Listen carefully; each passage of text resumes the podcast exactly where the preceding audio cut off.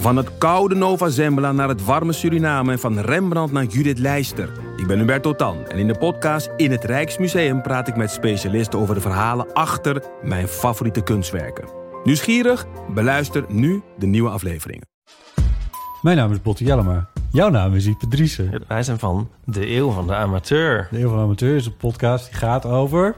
Alles. Het is een eh, podcast over levenskwesties die je niet kunt googlen. Een soort licht neurotische blik op het leven. Het is een podcast met humor. Jezus. Kijk, een grapje. Die, die vragen durft te stellen en die je ook onbeantwoord durft te laten. Mooi. met een regenboogvlagje. Dat, dat noem je queerbot. Dat an- regenboogvlag, dat klinkt echt als een soort... Eh, ik bedoel, iedereen is welkom. Kom ons luisteren in je favoriete podcast-app.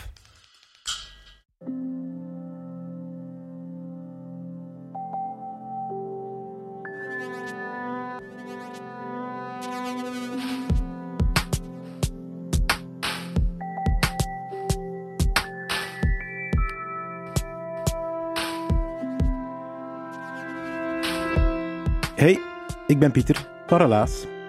In Relaas hoor je waar gebeurde verhalen en die worden verteld door de mensen die ze zelf hebben meegemaakt. Noël vertelt een verhaal over een kwajongensstreek. Iets dat hij uitgestoken heeft toen hij een kind was. Ik denk dat iedereen wel zo'n herinnering heeft aan zo'n streken die je uitgestoken hebt. Ik heb zelf bijvoorbeeld ooit eens expres een ruit uitgegooid. Voelde heel goed, heel stout, maar achteraf heb ik toch wel lang op de blaren gezeten. Maar voor Noël hangt er aan elke kwajongensstreek die hij doet nog een extra gevaar vast. Hij vertelde zijn relaas in de hele grote zaal, dat zal je horen, van het Stam, dat is het Gentse Stadsmuseum.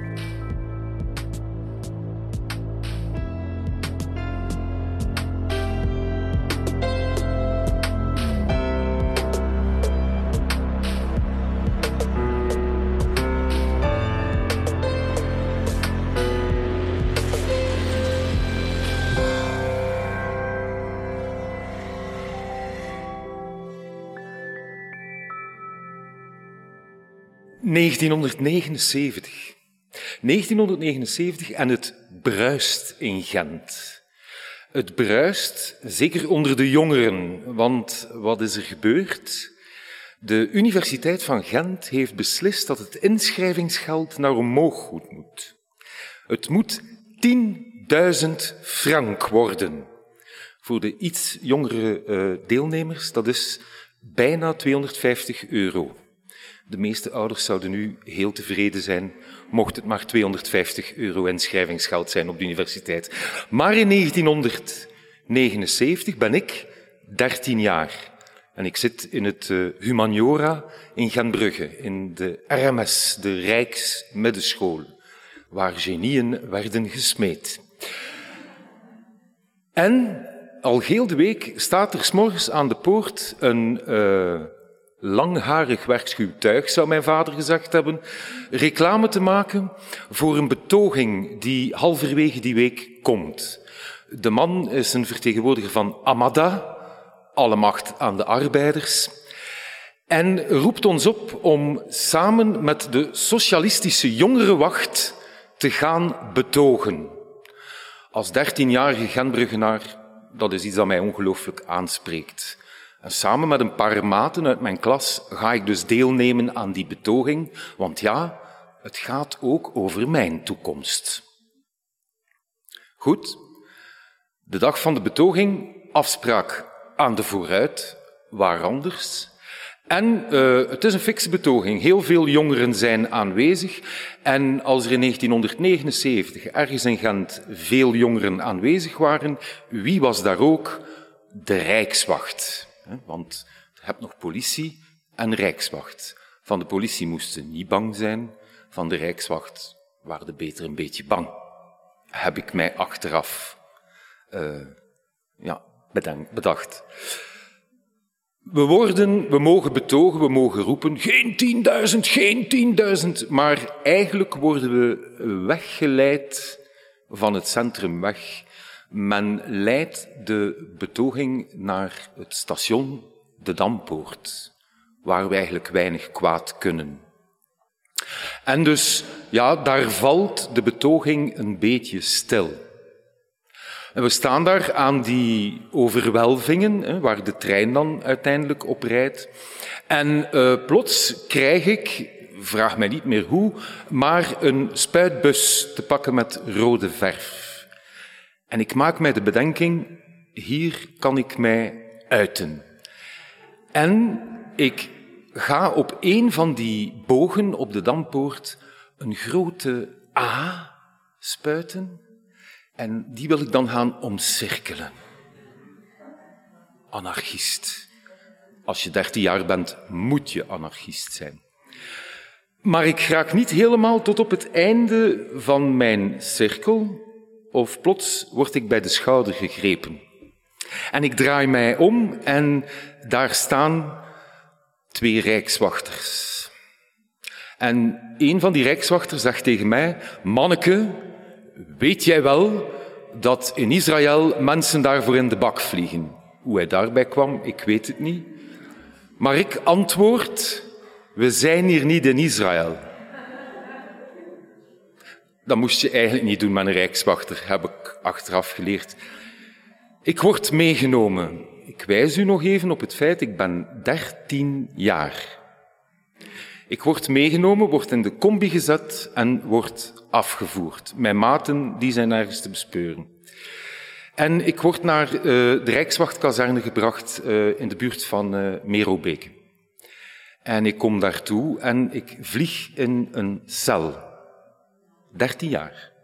Ik vlieg in een cel. Ik kan me nog altijd herinneren, zo van die gelige tegeltjes en een mega super dikke deur die zo echt maar, hij deed het opzettelijk denk ik, boem, dichtvliegt. Na een half uurtje, een uurtje, ik weet het niet meer, gaat de deur open en daar staat de rijkswachter, kom maar mee. Ik word aan een bureau geplaatst en de rijkswachter begint mij te ondervragen. Naam, adres, wie is uw vader, wie is uw moeder, wat doet uw vader? Waarop ik heel eerlijk antwoord, mijn vader is een staatsambtenaar.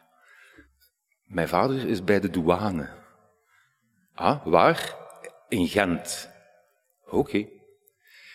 Die rijkswachter leest mij nog eens de levieten en op een bepaald moment uh, ben ik weer al stout en geef ik een antwoord die hem niet aanstaat en ik krijg een klinkende oorveeg. Dat kan ik me wel nog herinneren. Ik krijg dus echt een klinkende oorveeg. Ik val bijna van dat stoeltje, maar nog net niet. En maak mij de bedenking, ik zal maar beter zwijgen. Uh, de rest die komt. Die rijkswachter neemt zijn telefoon en belt.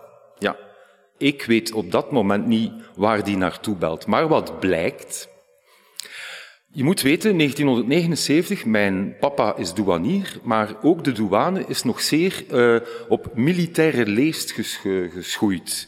En er zijn graden en de overste van mijn vader is een kolonel bij de douane. Die zit op het Stapelplein in Gent. En dus die rijkswacht belt naar mijn vader, zijn directe overste, en die zegt, uh, kijk, de zoon van Gabriel die zit hier in de Rijkswacht. Hij is gearresteerd omdat hij een anarchieteken op de Dampoort aan het spuiten was. Um, er is een gesprek, die telefoon wordt neergelegd. En dan neem ik u eventjes mee naar bureau 29, de bureau waar mijn papa dienst doet. Daar gaat de telefoon. Mijn vader neemt op. Het is zijn kolonel en hij moet even bij de kolonel komen. Mijn vader gaat naar het bureau van de kolonel en daar krijgt mijn vader de Levieten gelezen. In de zin van, is dat de manier waarop jij je kinderen opvoedt? Uw zoon is opgepakt aan de dampoort, terwijl hij een anarchieteken aan het spuiten was. Is dat de manier waarop jij, en mijn vader natuurlijk in alle staten, en die kolonel zegt, je dienst zit er voor vandaag op, want je moet je zoon gaan afhalen uh, in de Rijkswachtkazerne. Goed. Ondertussen zit ik daar als dertienjarige pekes te zweten natuurlijk, want die rijkswachter heeft mij ondertussen gezegd dat mijn vader op komst is. Na een tijd uh, komt mijn papa inderdaad bezweet toe, want het is een eindje fietsen. Hè. Mijn vader was uh, al een voorstander van uh, fietsen in 1979. Die mens kwam met zijn fiets van het Stapelplein recht naar de Rijkswachtkazerne, bezweet en in uniform. Vind, vond ik een, een, heel mooi beeld. Mijn vader staat binnen en die rijkswachter zegt, ja kijk, hier zit hij, uw zoon. En uh, ja, mijn vader zegt, bon, wat, wat moet er gebeuren? Uh, ja, neem dat maar mee. Ja, natuurlijk. Ik bedoel, ook in 1979, een dertienjarige gaat hij niet gaan opsluiten. Of, uh, en dus, goed, papa neemt mij mee naar huis. Wij wonen wij woonden in die tijd op de Rinskopflaan in Genbrugge, aan het station van Genbrugge. Stations spelen een ongelooflijke rol in mijn leven.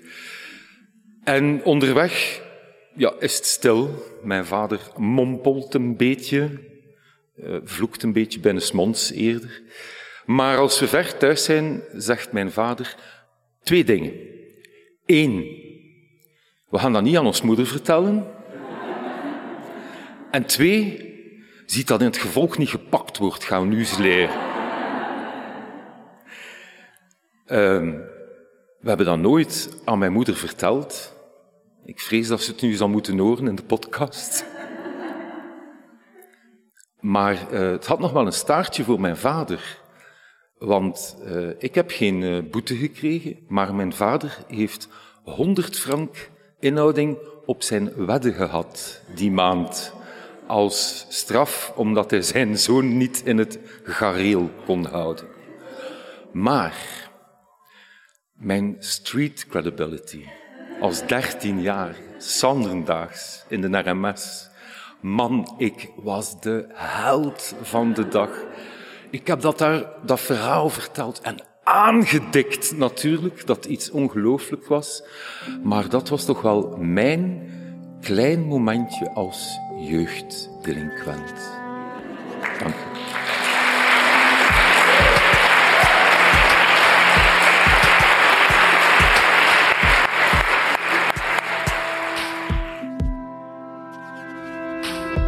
Dat was het relaas van Noël. Hij heeft het verteld in het Stam in Gent. Op museumnacht was dat. We waren daar denk ik met 200 bezoekers of zo. We zaten met z'n allen op kussentjes op de grond. Bovenop een hele grote platte grond van de stad Gent. Zo moet je dat voorstellen. Uh, maar als je het nu liever niet wil voorstellen, maar echt eens wil zien, de foto's van die avond die zijn fenomenaal. En dat is niet alleen omdat ze van Bert Potvliegen komen, maar vooral dus die prachtige platte grond. En Noël, die kan je natuurlijk kennen van zijn vele vorige relaasverhalen. Hij is een van onze vaakst terugkerende vertellers. Je kan hem kennen bijvoorbeeld van zijn verhaal over thee in Londen. Hij heeft ook eens verteld over een rattenkasteel in Gentbrugge. Maar nu dus ook over zijn vandalenstreken. Beetje bij beetje komen wij heel Noël zijn leven te weten. Misschien moeten we eens een relaaseditie organiseren waarop iedereen over qua jongensstreken of qua meisjesstreken, hoe noem je dat zo? Qua meisjesstreken, uh, waar iedereen eens over die qua jongensstreken kan komen vertellen. Maar als je een gelijkaardig verhaal hebt, dan mag je het uh, zeker eens laten weten. Misschien is het minder erg, misschien nog veel erger. Je mag het altijd aan ons komen vertellen. Wij zijn zeer nieuwsgierig. En wij beloven ook wel dat we je gaan helpen om dat verhaal nog beter te gaan vertellen. Dus je krijgt een coach, een relaascoach, en die gaat dat verhaal beter maken tot jullie het op het podium kunnen brengen. Dat hoeft niet alleen voor relaas te zijn, maar je kan dat verhaal uiteraard achteraf ook nog eens op café hervertellen. Relaas bestaat dankzij de afdeling cultuur van de stad Gent en die van de Vlaamse gemeenschap. We zijn op zoek naar vrienden ook. Dat is iets nieuws. Inderdaad. Um, vrienden van de show heet dat. Luisteraars die ons verder willen steunen op onze relaastrip. Want je weet het of je weet het niet, maar wij verdienen niks aan deze podcast. Wij delen die helemaal gratis week na week. En ook van Spotify of van Apple krijgen wij niet betaald. Een beetje in tegenstelling tot de artiesten, tot muziekartiesten die wel betaald worden per luisteraar. Maar wij krijgen daar helaas niks van. Daarom, steun ons. Het kost 2,5 euro per maand. En zo word jij vriend van de show, vriend van Relaas. Je vindt de link bij elk van onze verhalen op de website. En zo kunnen wij blijven doen wat wij vandaag doen. Namelijk elke week een nieuw relaasverhaal op jou afvuren. Dankjewel